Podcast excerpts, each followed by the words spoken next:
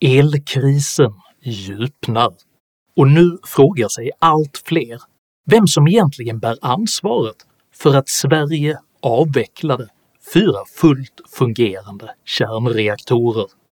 Somliga menar att det är Putins fel. Men nu har vi ju Putinpriser på mat, på bensin, på diesel.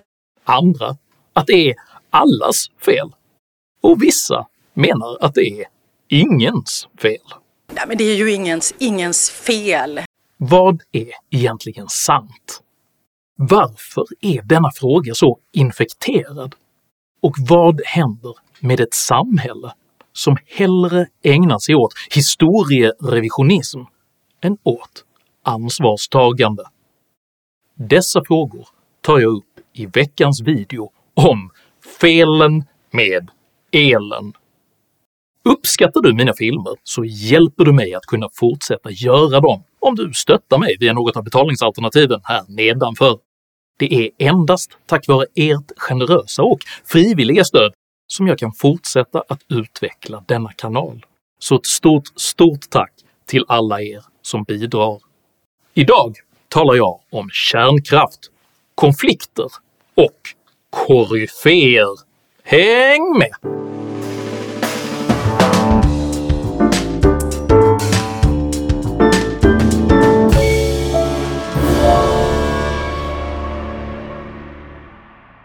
Den grekiske sagohjälten Odysseus var berömd för sin stora slughet. När han i Homeros epos Odysseen fann sig instängd tillsammans med en jättelik cyklop sa han att hans namn var Ingen.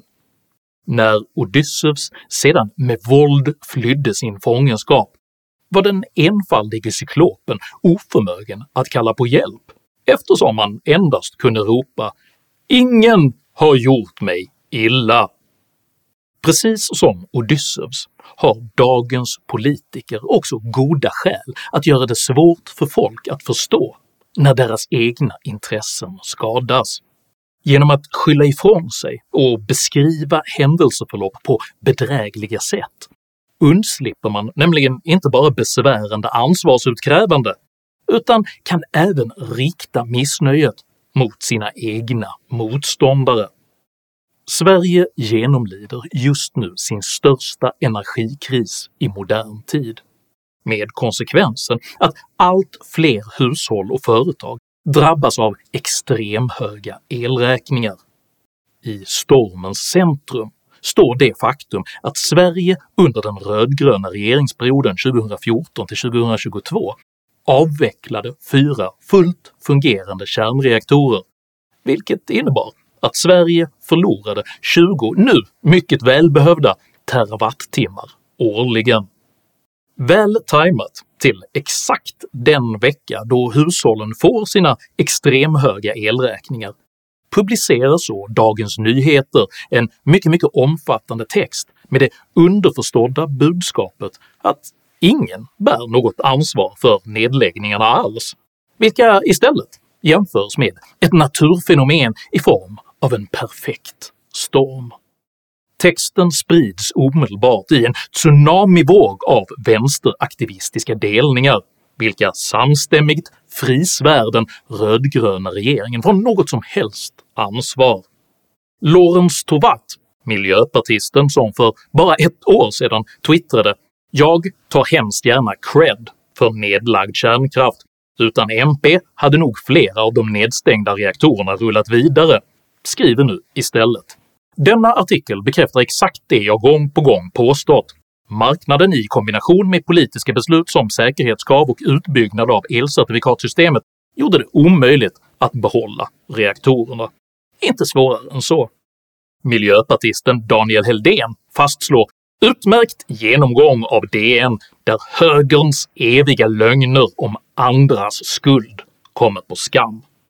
Anders Lindberg politisk chefredaktör på socialdemokratiska tidningen Aftonbladet, frågar sig ironiskt “Så högern ljuger alltså om hur det gick till när kärnkraften stängdes?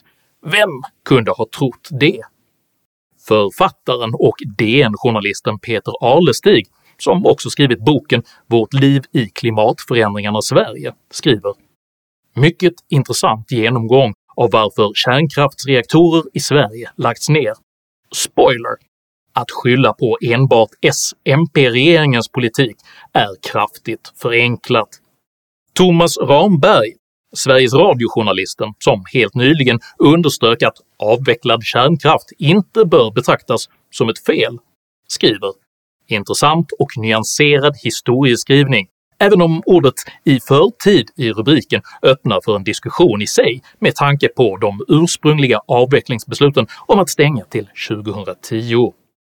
Ove Nilsson, journalisten som nyligen fick lämna sin roll som TT-reporter på grund av politisk partiskhet, säger ifrån. Läsning för alla förenklingskolportörer. Anders Wikman, medförfattare till klimatböckerna “Den stora klimatförnekelsen” och “Bankrupting Nature” utbrister “Must read! Verkligheten långt mer komplex än M plus KD plus SD plus L-propagandan under och efter valet gjort gällande.” Och Annika Strandhäll ger min egen elprisvideo från förra veckan en känga med lögnanklagelser. Nu får ni sluta. Det finns dokumenterad fakta för detta händelseförlopp och dessa beslut som idag redovisats av respekterade journalister i en av våra större tidningar. I längden kan man inte hålla på och ljuga på det här sättet som ni gör på högersidan. Hela denna bombmatta av delningar säger egentligen bara två saker. 1.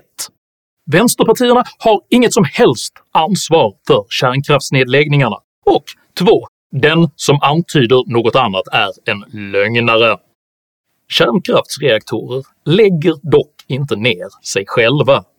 Så vad är egentligen sanningen?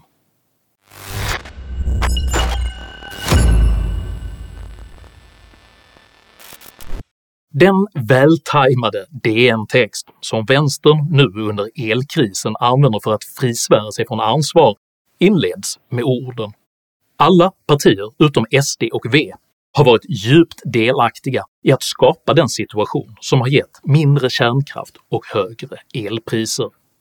Det ligger en del i detta, trots att jag personligen öppet anser att Sveriges nuvarande högerregering är mindre dålig än en vänsterregering stödd på Miljöpartiet, så har jag personligen inget som helst intresse av att försöka försvara eller ens dölja högerns dåliga beslut. Att borgerliga regeringar medverkat till energiuppgörelser och skattehöjningar som skadat kärnkraften är sant, och under all kritik.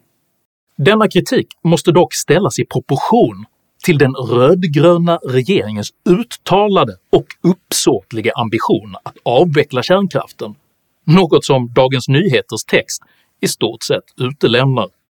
Den 17 juni 2010 röstade till exempel riksdagen om att tillåta nybyggnation av kärnkraft i Sverige.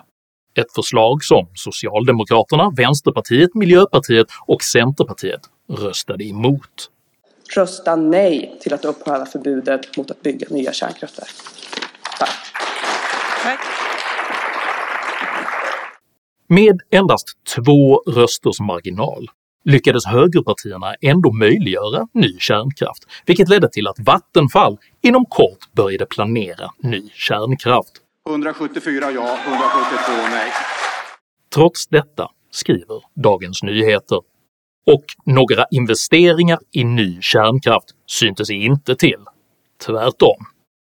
Detta är direkt felaktigt, för Vattenfalls dåvarande VD Östen Löser aviserade redan i juli 2012 “Vi har idag sänt en ansökan för att starta processen att planera för nya kärnkraftsreaktorer i Sverige.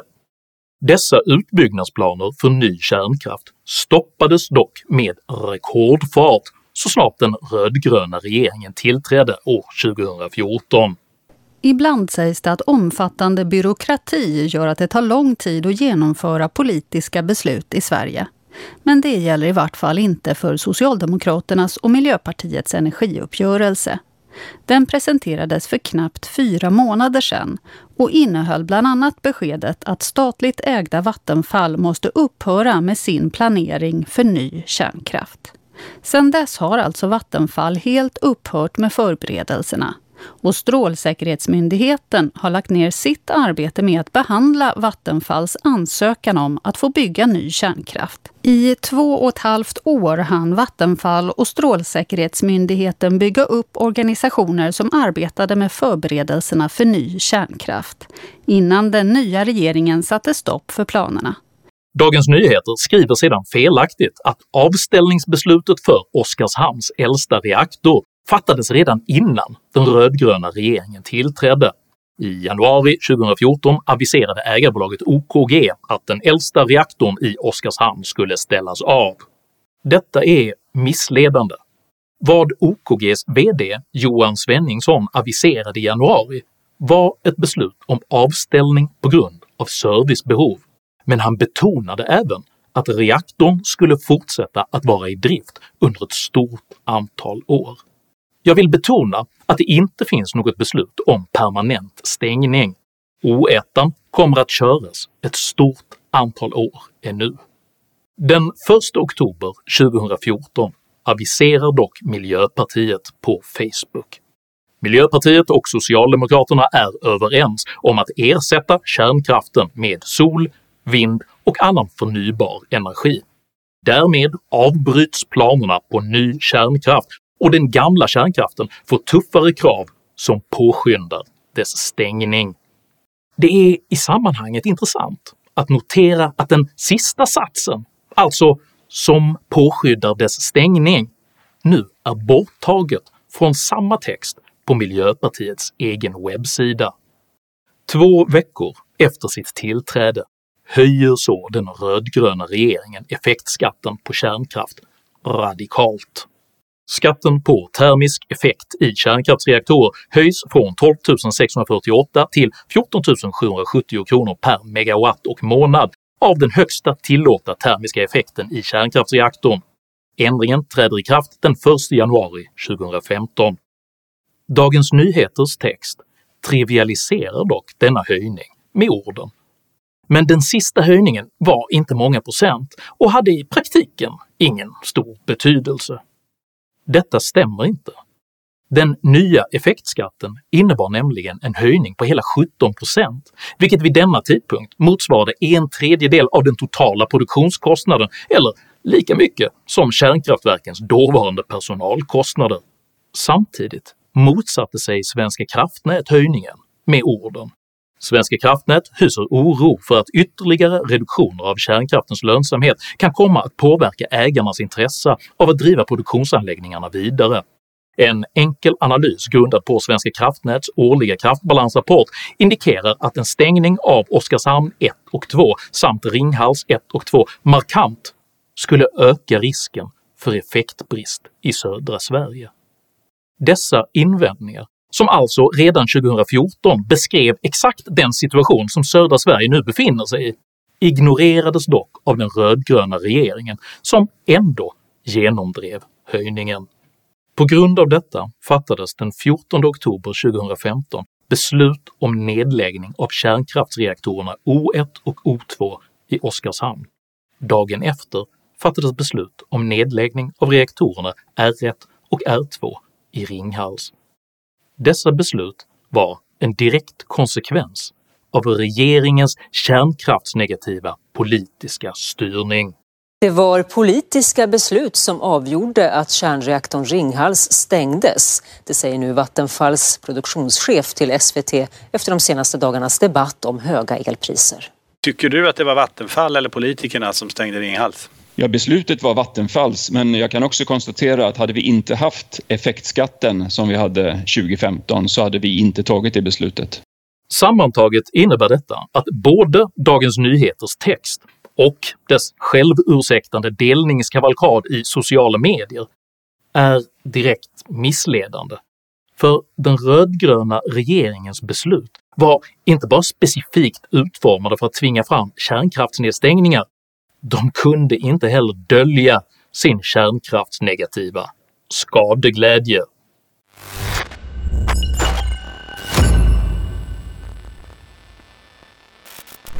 Det är sant att även de borgerliga partierna har medverkat till att försvåra för kärnkraften. Detta är dåligt, och man bör erkänna ansvaret för detta. Samtidigt var det de borgerliga partierna som 2010 rev upp förbudet mot ny kärnkraft. Det var de borgerliga partierna som började kräva nybyggnation av kärnkraft 2018 och därför menar jag att vi behöver se att Sverige snarare än att stänga ner två reaktorer som det nu finns plan på, se till att de kan uttjäna sin fulla livstid och snarare kanske till och med se att vi får fler och nya kärnkraftverk i Sverige. Och det var även de borgerliga partierna som tidigare denna vecka aviserade förslag som gör det möjligt att bygga ny kärnkraft på fler ställen.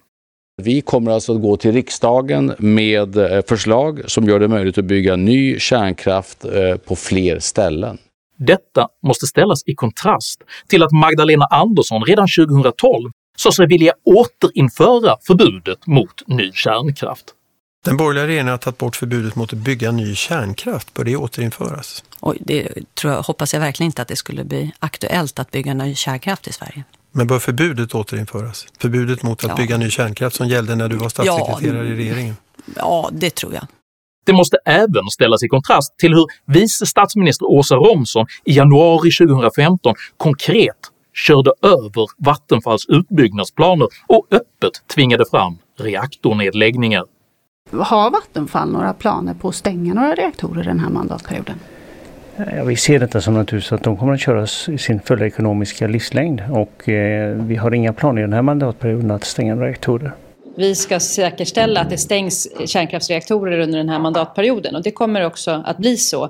Det måste också ställas i kontrast till hur Miljöpartiets energipolitiska talesperson Lise Nordin 2018 offentligt erkände att man ersatt ledamöter i Vattenfalls styrelse med antikärnkraftsaktivister men under förra mandatperioden så, så drevs ju en linje från dåvarande regering att ny kärnkraft kunde vara en väg framåt för Sverige. Eh, och jag är väldigt glad att vi har vänt den skutan. Den nya regeringen med Socialdemokraterna och Miljöpartiet bestämde att Vattenfall inte ska lägga massa pengar på ny kärnkraft. Man ska ju förstås inte använda de, de statliga bolagen som eh, ett verktyg i liksom en ryckig politisk inriktning. Mm. Men, men den här regeringen sa ju att vi behöver komplettera kompetensen mm. i den styrelsen med kompetens inom förnybar energi. Mm. Och det är väldigt viktigt och bra att man gjorde det. Det måste vidare ställas i kontrast till hur den unge miljöpartistiska riksdagsledamoten Lorentz Tovatt skröt i riksdagskammaren om hur man under rödgrön regering lyckats stänga flera reaktorer. Vid årsskiftet så stänger ytterligare en kärnkraftsreaktor. Det innebär att Sverige snart kommer att ha stängt hälften eh, av sina ursprungliga reaktorer. Eh, mycket av detta har skett under rödgrön regering. Det är bra. Och det måste, slutligen, ställas i kontrast till hur Sveriges tillträdande statsminister Magdalena Andersson så sent som förra hösten ännu hånade kärnkraften som hopplöst omodern och olönsam. Men inte med ny kärnkraft. Den är för dyr. Någon som är sugen på högre elpriser? I ljuset av denna överväldigande mängd kärnkraftsnegativa uttalanden, beslut och attityder, alltså är det någon som verkligen tror att reaktornedläggningarna skulle vara ingens fel? Sannolikt har Socialdemokraterna som parti allt att vinna på att säga “ja, det var ett misstag att vi lät Miljöpartiet tvinga fram kärnkraftsnedläggningar. Aldrig mer. Här är vår plan för att reparera Sveriges elsystem.” Anledningen till att man inte gör detta beror sannolikt på att även en framtida socialdemokratisk regering mycket väl kan behöva stöd av just Miljöpartiet. Kärnkraftskritiken handlar således mindre om att socialdemokraterna skulle vara så förfärliga än om att socialdemokraterna blir så förfärliga när de är beroende av ett klimatradikalt ytterkantsparti. Och det är därför som ansvarsutkrävande i denna fråga är så viktigt. Inte för att peka finger, inte för att utse någon syndabock, utan för att förhindra att samma destruktiva regeringskonstellation någonsin kommer till makten igen. Och den som vill påstå att ingen har skadat oss bör minnas att Odysseus trick endast fungerade medan motståndaren var blind. Och kärnkraftens banemän, de går tydligt att se. Att avveckla kärnkraften är en miljövinst, därför att kärnkraften är inte långsiktigt hållbar. Det vill säga att vi ska avveckla kärnkraften. Om du uppskattade innehållet i denna video så hjälper det mycket om du delar den med dina vänner och kanske till och med stöttar mitt arbete via något av betalningsalternativen här nedanför. Dela även gärna med dig av dina egna åsikter och erfarenheter i kommentarsfältet, men jag ber dig att alltid vara artig. Jag accepterar inte aggression, personpåhopp eller rasism i mina idédrivna kommentarsfält, så tack för att du som kommenterar respekterar detta. Jag heter Henrik Jönsson och jag föredrar rättframt ansvarstagande framför manipulativ historierevisionism. Tack för mig och tack för att du har lyssnat.